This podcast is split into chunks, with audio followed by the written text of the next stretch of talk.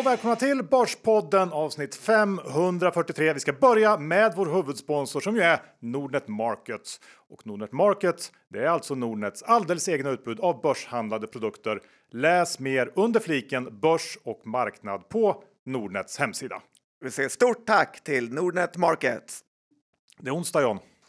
Det är det och eh, vi går in i rapportperioden och kommer att ha några härliga månader framför oss. Förhoppningsvis. Ja, så Börspodden är mer taggad än någonsin på att köra igång. Vi är denna vecka sponsrade av Karla som är Sveriges enda elbilshandlare där du kan köpa, sälja och leasa elbilar och laddhybrider online. Och John, det är ett nytt år och det innebär också att många kanske funderar på en ny bil.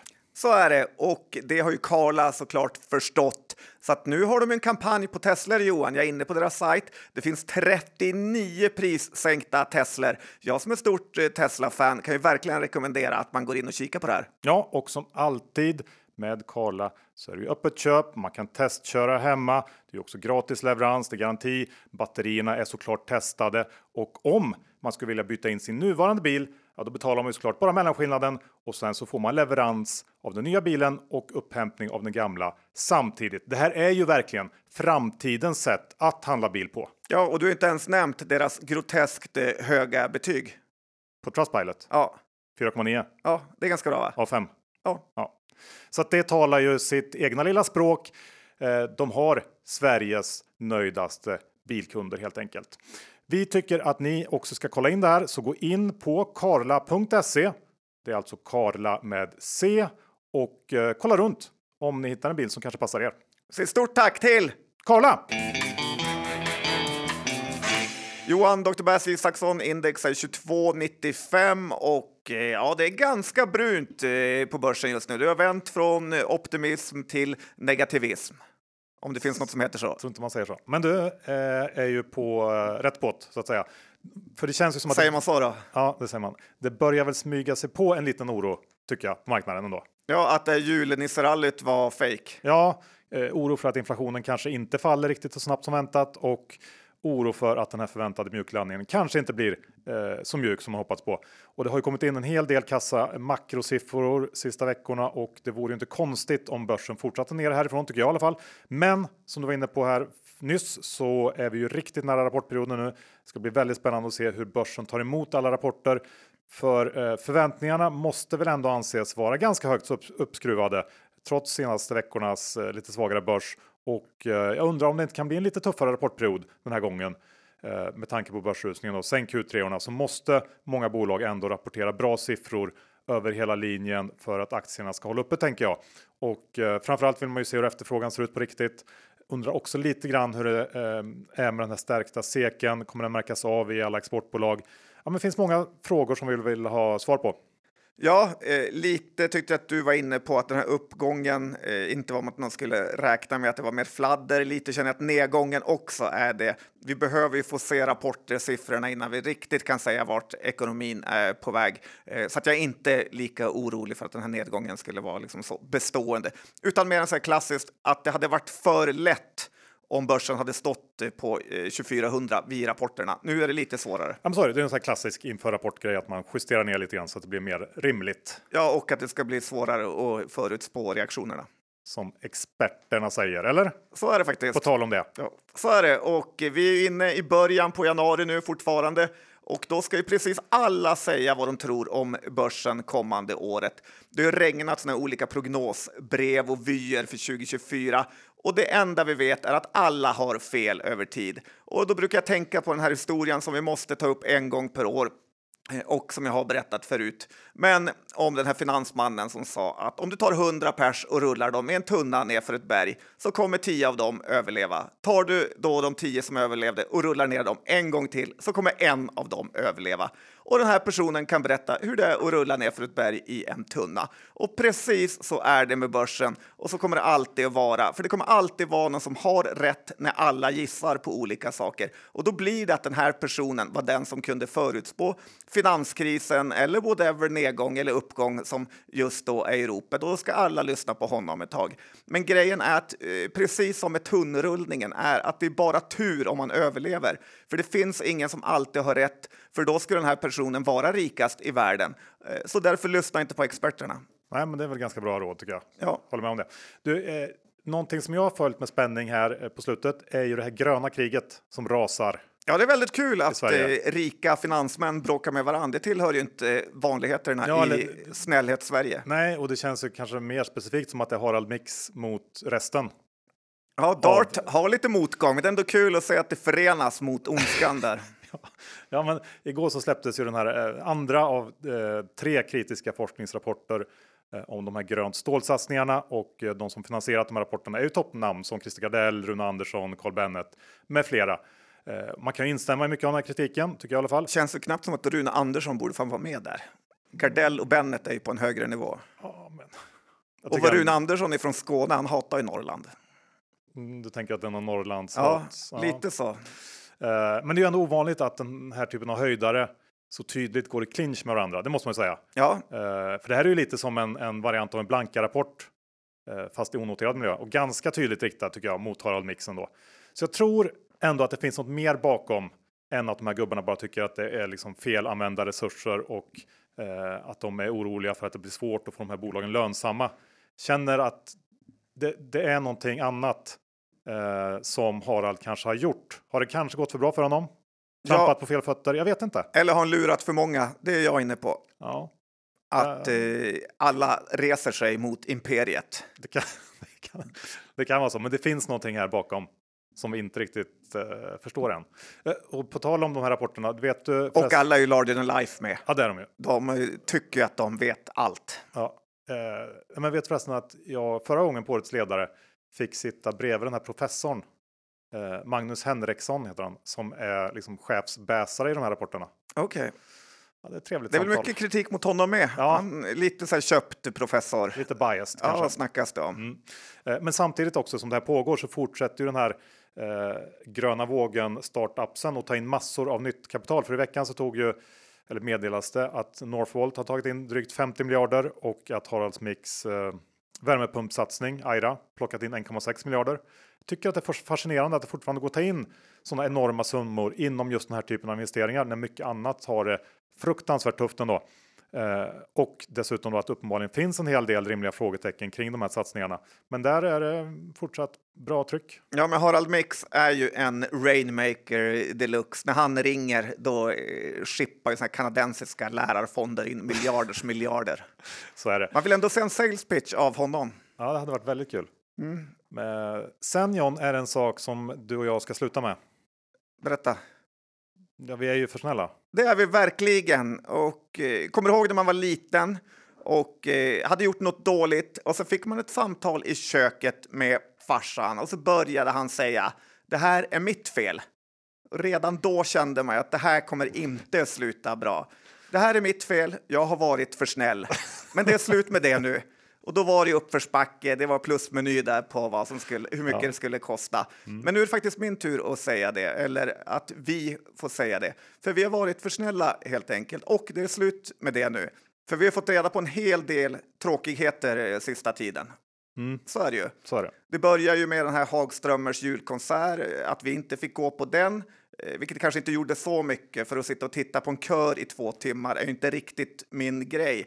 Eh, och sen behöva lägga ut det på Insta, så, här, så fint. Eh, men ändå, en inbjudan hade inte varit fel Johan. Nej. Och efter det så har det bara, bara blivit värre. Ja. Eh, vi fick ju fredags reda på att Martin Gren haft sin klassiska gåsamiddag Det var inte kul. som är väl en sån här skånsk grej där man äter gås. Eh, där var vi inte heller bjudna. Nej. Eh, och vi såg ändå Martin Gren som en av våra ja, men närmare vänner får man ju säga. Verkligen. Vi fick en julklapp av Grenspecialisten gänget eh, som var någon bok som vi blev jätteglada för. Eh, men nu känns det mer som att vi tillhörde hans tier 2 gängkompisar. Möjligtvis Ja, tier 3. Ja, men lite så. Den känslan är aldrig härlig. Men så kom nog dråpslaget som sänkte oss i helgen. Vad var det då? Ja, det vet du ju. Simon Blecker mässade oss eh, om några roliga grejer han skulle köra i sitt tal på Bensons 50-årskalas. Då högg det till i hjärtat. Ja, det gjorde ju. Verkligen. Eh, Visst, vi har väl inte bjudit Benson på några av våra kalas direkt, men ett 50-årskalas känns det lite som att vem som helst får komma på. Men inte vi. Nej. Lilla John Skogman från Umeå for till Stockholm för att bli framgångsrik, men inte en endaste person ville vara med honom. Eh, det värsta, eh, det här kommer du ihåg, men det värsta är att jag köpte liksom en smoking för 10 000 kronor för att Benson lurade på mig till den här konstiga Årets ledare-inbjudan där man skulle ha smoking som man sen ändrade. Ja. Och den har jag haft eh, tre gånger på två år, Ja. eh, varav en gång var på din nyårsfest. här. Det var inte riktigt så det var tänkt att den skulle användas. Så var det inte tänkt. Nej, så att eh, nu är det verkligen slut på att vara Mr Nice Guy och eh, jag kommer att börja, eh, ja, jag kommer att börja snåla. Det är, Ja, det- det är taggarna utåt nu Johan. Ja, men jag, jag förstår ju precis alla känslor och jag håller ju med. Det, det är inte mycket mer att tillägga där. Nej, för det är inte ens att du har varit bjuden heller. Nej. Nej. Men det känns som att du var mindre kränkt. Möjligtvis något mindre kränkt. Vilken är du mest kränkt över? Eh, vilka, alltså, jag känner väl kanske minst kränkt över den här julkonserten ändå. Ja, den är jag inte jättekränkt för.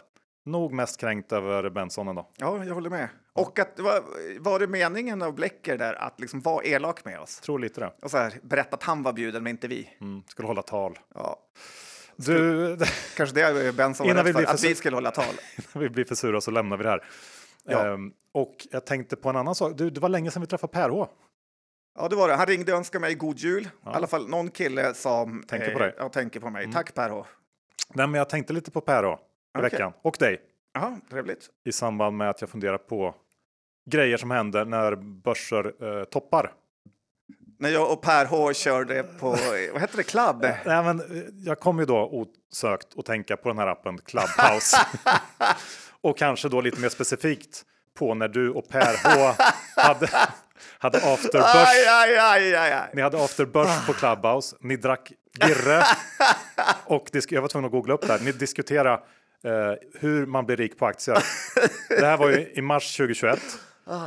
Clubhouse visade sig ju vara kanske den största dagsländan av alla eh, hypade techbolag just då. Och att just du och Per H eh, med det här rik på aktiesnacket skulle liksom tajma toppen med skrämmande precision. Det är ju ändå fantastiskt härligt. Och dessutom att, att ni kanske inte är de mest liksom, tech-savvy snubbarna på börsen gör det liksom inte sämre.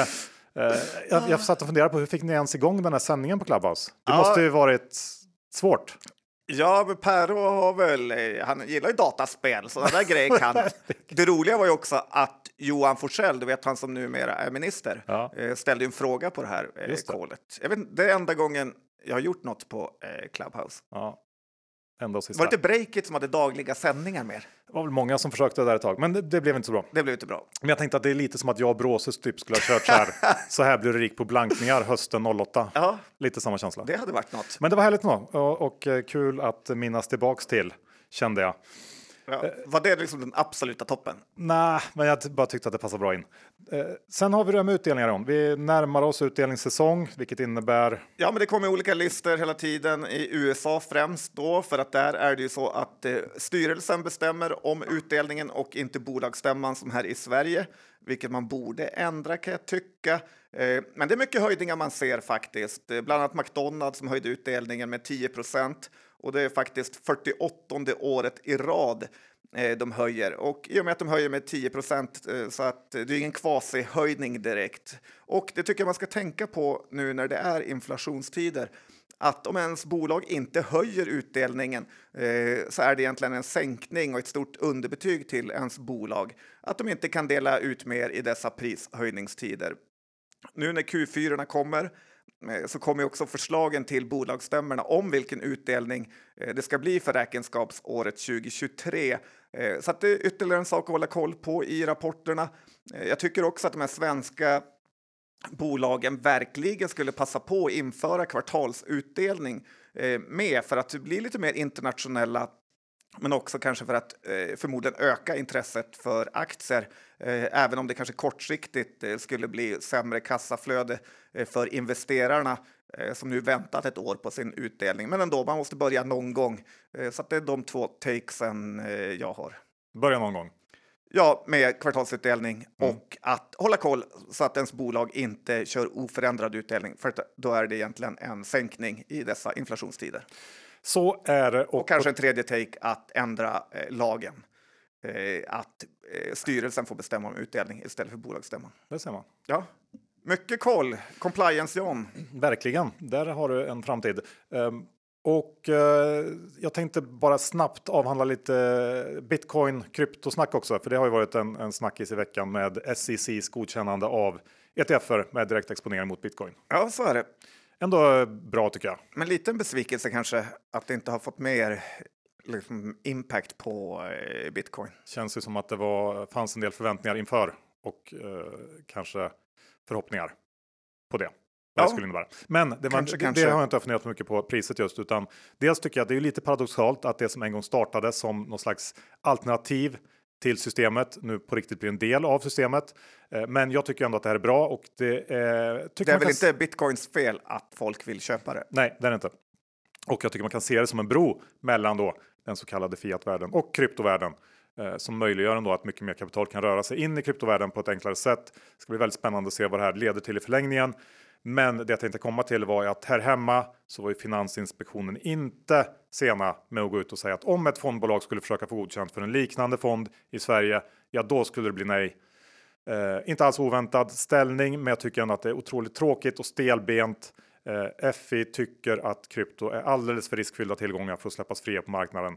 Till skillnad då från alla hundratals rövbolag som noterats på börsen de senaste åren. Eh, ja, jag håller ju uppenbarligen inte med FI här. Nej, verkligen. Och folk får väl... Eh, det är inte FIs uppgift att bestämma vad folk eh, ska köpa eller inte. De vet ju inte vad som kommer bli nästa hype, utan eh, snarare håll koll på att regleringen fungerar. Men den här nya chefen där känns ju så gubbig så att det är typ redan kört för FI.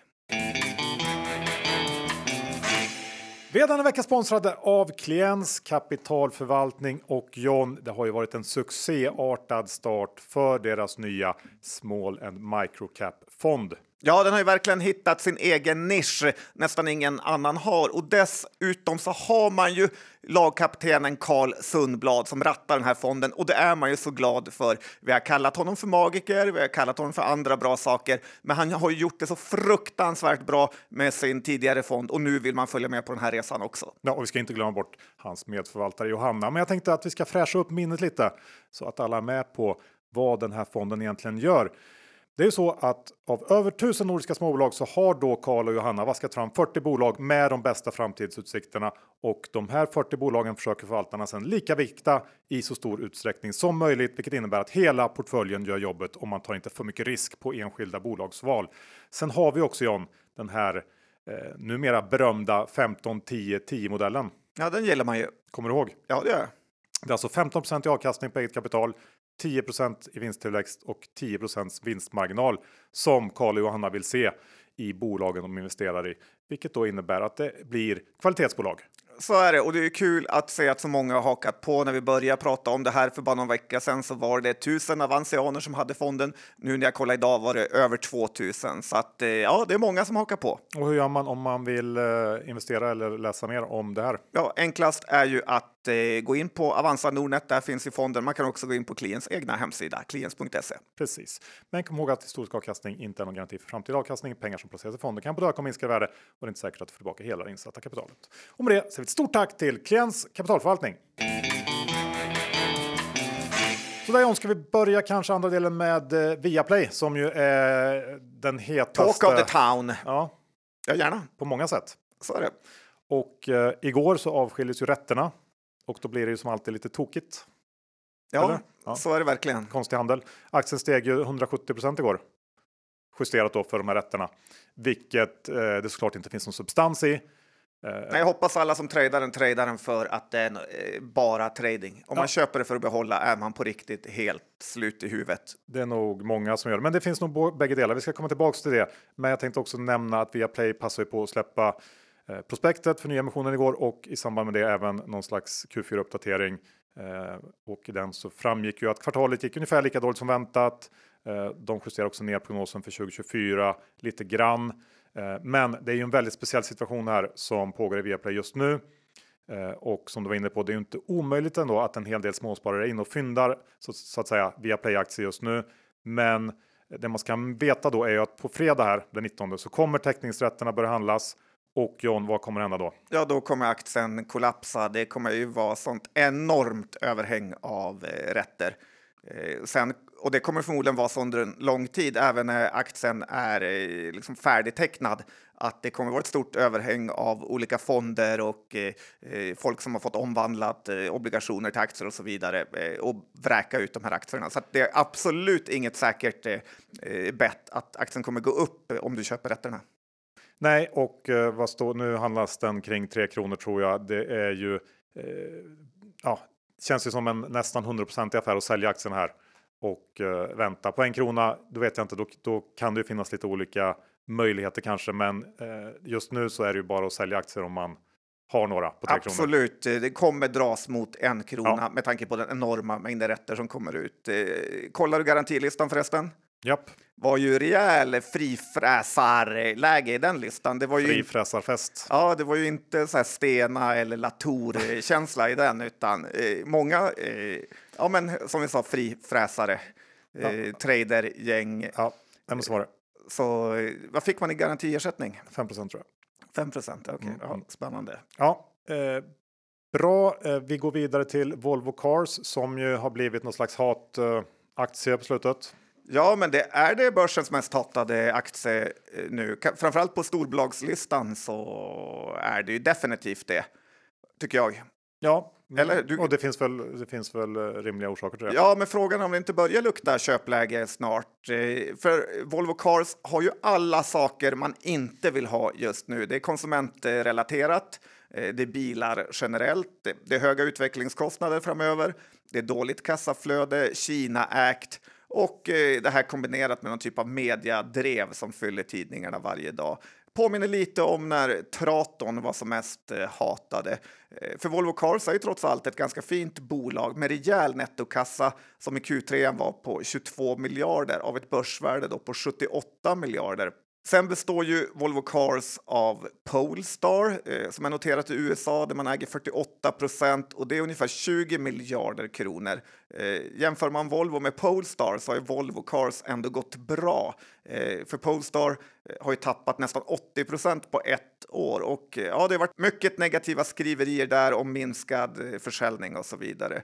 tickern på New York-börsen är PSNY. Eh, tycker man ändå eh, ser rätt många Polestar-bilar där ute på gatorna. Eh, tycker, ha, ja, men... Har vi någon lyssnare som har någon Polestar-erfarenhet får de gärna mejla oss, eller hur? Ja, det måste vi ha. Men, men var de inte ute och skrev att uh, bruttomarginalen i Q4 blev 0% Ja, det är inte jättebra. Och de hade hoppats på typ 2. Att ha just bruttomarginal på 0% är inte jättefint. Det är inte liksom ett grundrecept för en bra business. 2 är inte heller jättehögt. Nej, det känns bara jobbigt och de måste väl skjuta in massa pengar där antar jag. Ja, eh, Framöver. så är det. Men en tanke jag har, det är ju att lastbils-Volvo eh, borde köpa upp Volvo Cars eh, för att göra det till så här One Volvo igen. Och eh, att det ändå borde finnas otroliga mängder pengar att kunna spara här med forskning och utveckling eh, när det gäller elektrifieringen eh, bör väl typ vara samma teknik med lastbilar som med elbilar, eh, give or take. eh, och sen nu är ju Kina lite i, ja men Kina och Geely är lite i brygga här. Betalar man 100 miljarder, lite budpremie, eh, så skulle det kunna vara en bra affär på lite sikt. Känner ju ändå att det där är ju en högoddsare. Tror inte Lundberg är jättesugen på det. Nej, det känns inte så, men skulle ändå vara kul om eh, Volvo Cars eh, återigen blev eh, svenskt. Det finns ju också en chans att den här bisterheten inom just ja, men allt det jag nämnde kommer vända och då får man ju dubbel uppsida i och med Polestar också om de skulle börja leverera, för de är väl nästan uträknade. Till det negativa så får man väl säga att typ Ford, GM, Stellantis, Volkswagen, Renault har ju heller aldrig egentligen gått bra på börsen och att personbilar är någon typ av kassbusiness ja. och var i. Ja, jag ger det här ett väldigt lågt betyg, den här, den här idén. Ja, men det var väl ingen idé. Men samtidigt, aktien, eh, ja, ja, men den har ju gått otroligt dåligt. Någon ja. gång borde det vara köpläge. Mm, okay. det, Volvo är inte värdelöst. Nej, det är det inte. Du, vi eh, går över till gårdagens eh, stora vinstvarning tänkte jag, Resurs. Agneta Jönssons favorit. Ja, Eh, precis. Hon och älskar ju små bankerna. Nischbankerna. Mm. Mm. Har inte varit någon hit riktigt. Nej, och eh, det blev inte bättre då efter gårdagen när den här vinstvarningen kom. Aktien gick ner 32% på den. Och det handlar ju om ett antal nedskrivningar. Dels var det IT-projekt för 200 miljoner, men framför allt så handlar det om kreditförluster på över 400 miljoner och det var värre än väntat. Och tittar man på Resurs kreditförluster under helåret 2023 så landar de en bit över 3% Det är väldigt, väldigt högt. Eh, man ska ha med sig att i tidigare kriser så har eh, Resurs kreditförluster aldrig gått över 3 nivån. Och det är ju lite märkligt ändå kan man tycka att man ligger en bit över 3% nu då. Eh, man kan ju fråga sig om det framförallt handlar om dålig konjunktur och en konsument som börjar bli pressad eller om det snarare är dålig kreditgivning som är boven. Och jag gissar ändå att det framförallt handlar om kvaliteten på eh, resurs lånestock som verkar innehålla mer risk än tidigare. För så dålig är inte ekonomin. Eh, men det är väl liksom tiotusentals platt-tv-lån som börjar fallera. Jag vet inte. Men, men någon... jag fick mer känslan av att de är utsatta för något bedrägeri typ. För att allt börjar i december eh, skriver de hur typ ingen betalar på sina lån. Det låter helt eh, orimligt och att man försöker försköna det lite. Eh, för att jag kan inte se hur just Resursbank Eh, skulle vara ensamma egentligen med att råka ut för sådana här enormt eh, stora kreditförluster. Är lite, lite märkligt är det och det du sa stämmer ju att de, de pratar om december, att det var då som den huvudsakliga ökningen kom. Det gör ju också att man kanske blir lite extra orolig för hur ja, Q1 och kanske hela 2024 kommer att bli. Um, och alla nischbanker drogs med ner efter vinstvarningen. Uh, det känns som att det börjar smälla lite här och var hos de här aktörerna nu. Erik Selin svepte ju i veckan in och uh, räddade sitt uh, Norion Bank från problem i samband med köpet av de här fastigheterna från Oscar Properties där en del av lånen fanns hos Norion. Det såg du? Ja, nej, men lite förvånande. Det känns som att de har gått mycket till lite high risk business, de här kreditbankerna, och börjat låna ut pengar lite här och var. Ja, och det kanske är en konsekvens av en lång period av nollränta och så där, att man slappnar av lite grann. Um, och det är ju här grejer som är läskiga med banker och kanske framförallt nischbankerna. Uh, att under långa perioder kan se väldigt billigt ut, men så hux flux dyker enorma kreditförluster upp som raderar ut en stor del av liksom, vinsten och aktiekursen. Ja, och kapitalet som gör att eh, aktierna nästan aldrig kan hämta sig. För vinstvarorna Volvo, de kan ha ett, två tuffa kvartal, sen kommer de tillbaka. Men de här bankerna kan vara förintade för alltid. Och eh, som det är med pengar, förtroendet är allt. Nu finns det inget förtroende för någon nischbank egentligen. Och eh, tittar du på USA så är ju eh, värderingarna på sådana här bolag, de är ju P6, 7, så att de kommer aldrig, aldrig bli höga. Nej. Det här är inget att äga egentligen. Nej, jag håller med.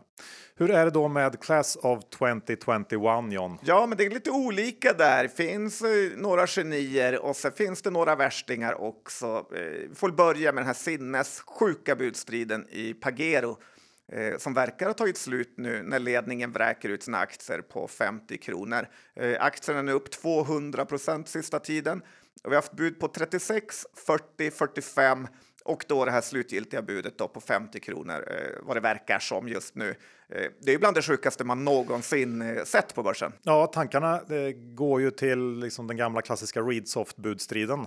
Ja, och kanske IT-eran. Ja. De galna, galna bud.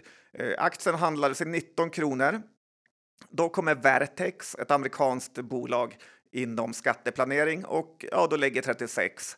Eh, redan där är det en 70% premie som man är ju överlycklig eh, om man skulle eh, få. Ja. Sen kommer Reuters och lägger, bara någon dag efter och lägger bud på 40. Eh, då kliver Locky Bidco in och klämmer till med 45 eh, innan Reuters då plockar hem det på 50-lappen. Eh, härliga namn allihop där. Ja, fast Näst... de här Bidco, vilka låg bakom det? Det var ju några andra. Ja, det var egentligen något eh, eh, riskkapitalbolag, va? eller storägarna där. Ja. Eh, men jag gillar ändå att det var Locky Bidco som eh, eh, la budet. Men det visar ju faktiskt hur otroligt dumt det är att nästan panikera fast på uppsidan när man väl lyckats få in ett bud. Att sälja just över budkurs. Säg att du fick sälja på 36,40 och tycker du var smart. Känns inte så bra just nu, va? Nej, det, var, det är ju nästan liksom värre än att det liksom inte hade hänt från Nej, början. det är värre än känslan vad vi har som inte ens ägde den ja, här faktiskt. aktien.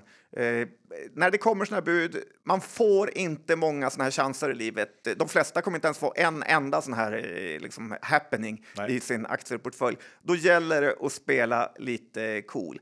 Eh, och återigen är det ju alltid som att marknaden vet om att det kommer komma budhöjningar eh, när den handlas eh, nästan direkt över eh, budet.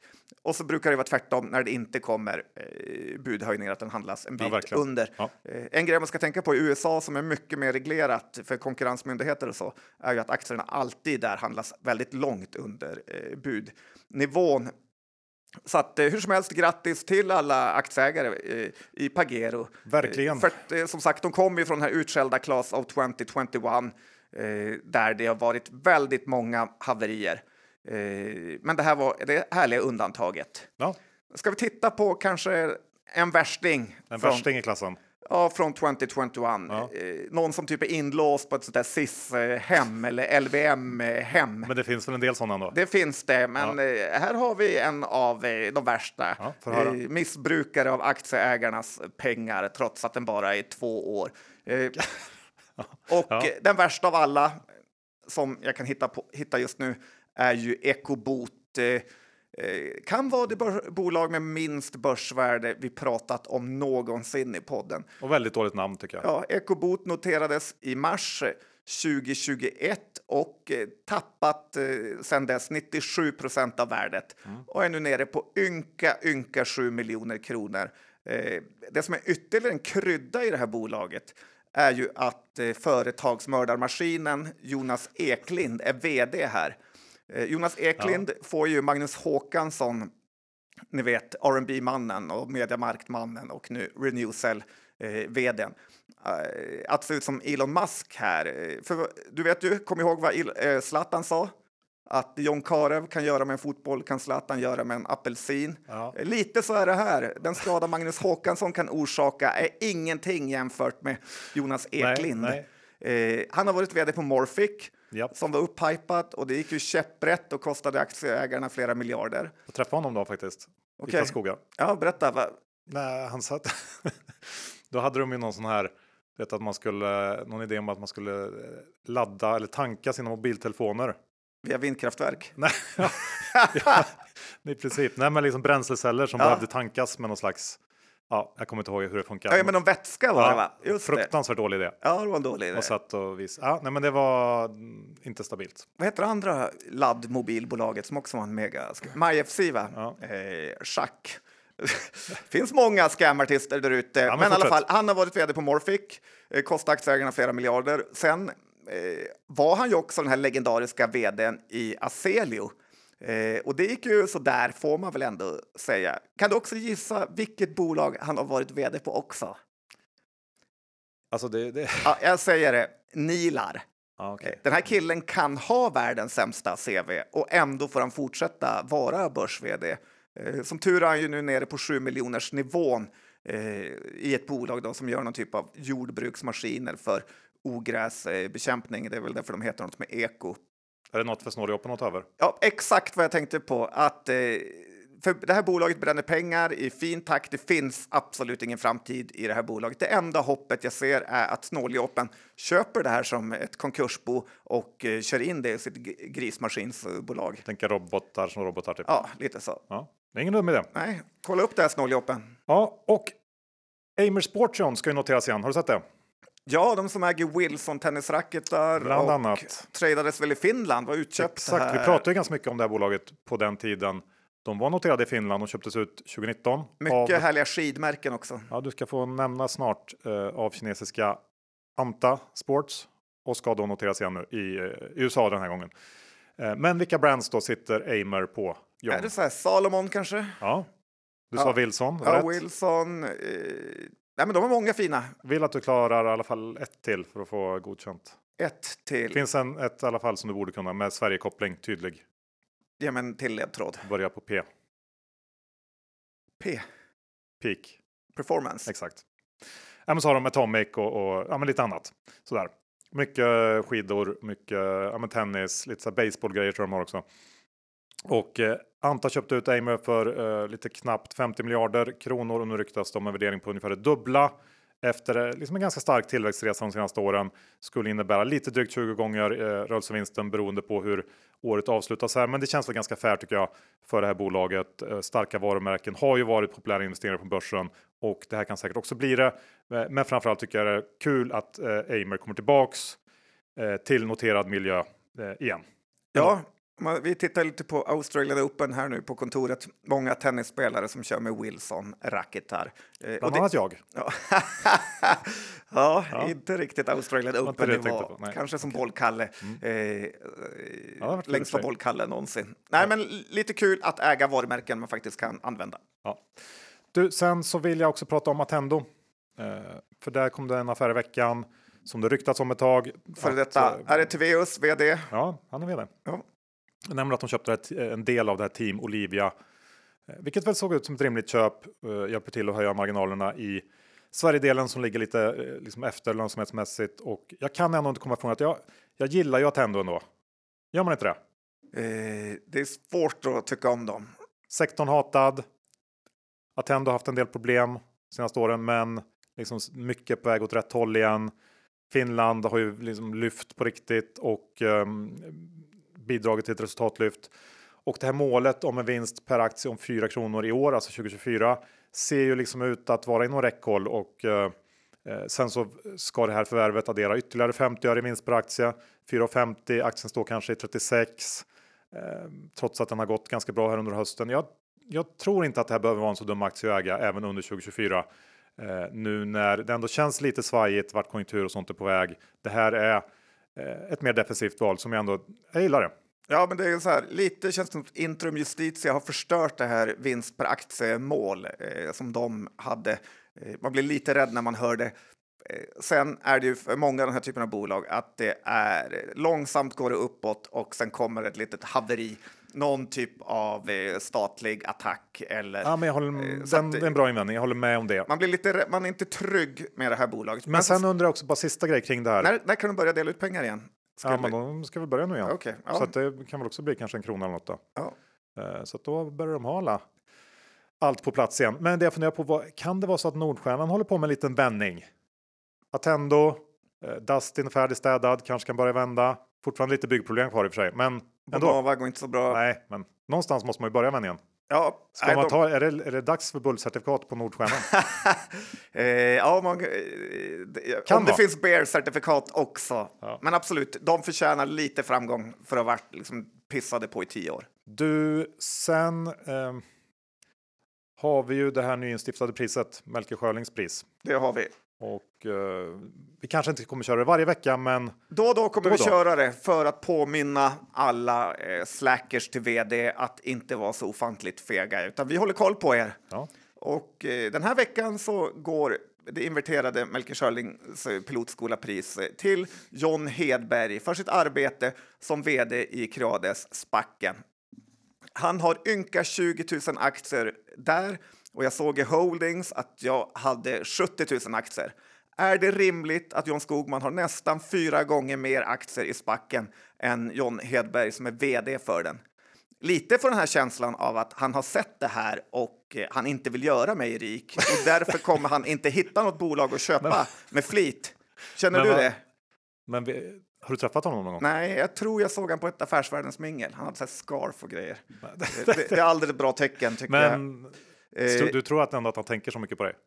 Ja, så han sneglar ändå. Har du gjort någonting mot han, honom? Nej, men han går inte den extra milen när han ser det här. Då tänker han eh, att han liksom, eh, läser en bok istället för att leta bolag. Jag tycker man ska, eh, alltså med tanke på vilken här succé som Yubico ändå blev och att börserna, ja, inte riktigt nu, men inte heller är långt ifrån all time high, eh, så är det ett stort underbetyg till John Hedberg och Creadesbacken att de inte gjort något på så här eh, länge. Eh, Man får ju ändå säga att det var. Det blev ju en rejäl dipp som ändå gav möjlighet att halvfynda någonting Ja. under den här långa. Har de hållit på nu i två, tre år eller vad är det? Ja, nästan tre år. Ja. Nej, det äh, håller jag med om. Det är klart att han inte är så ung han bara 20 000 aktier och enorm besvikelse. Så att grattis eh, eh, John, du fick det här priset. Det är lite skotträddhet som signaleras. Ja, verkligen. Eh, tyvärr. Slut på avsnitt 543 John och eh, har vi några innehav att ta upp som vi har pratat om idag? Jag tror faktiskt inte Jo, det. vi har ju BP-väskan, har ju Creadesbacken Oj och jag ja, har ju också, Jag har ju också det faktiskt. eh, en del. Claudesback. Mm, Ja, Jag med. Mm. så att, eh, får man inte glömma. du hade inga Tendo Nej, och inga Viaplay heller. nej. Nej, och inga Ecobot. Det Kanske snåljåpen har det sen, konkursbot. Ja, mycket möjligt. Bra, tack för att ni lyssnade. Vi hörs om en vecka igen. Hej då! Det gör vi. Ha det bra. Hej då!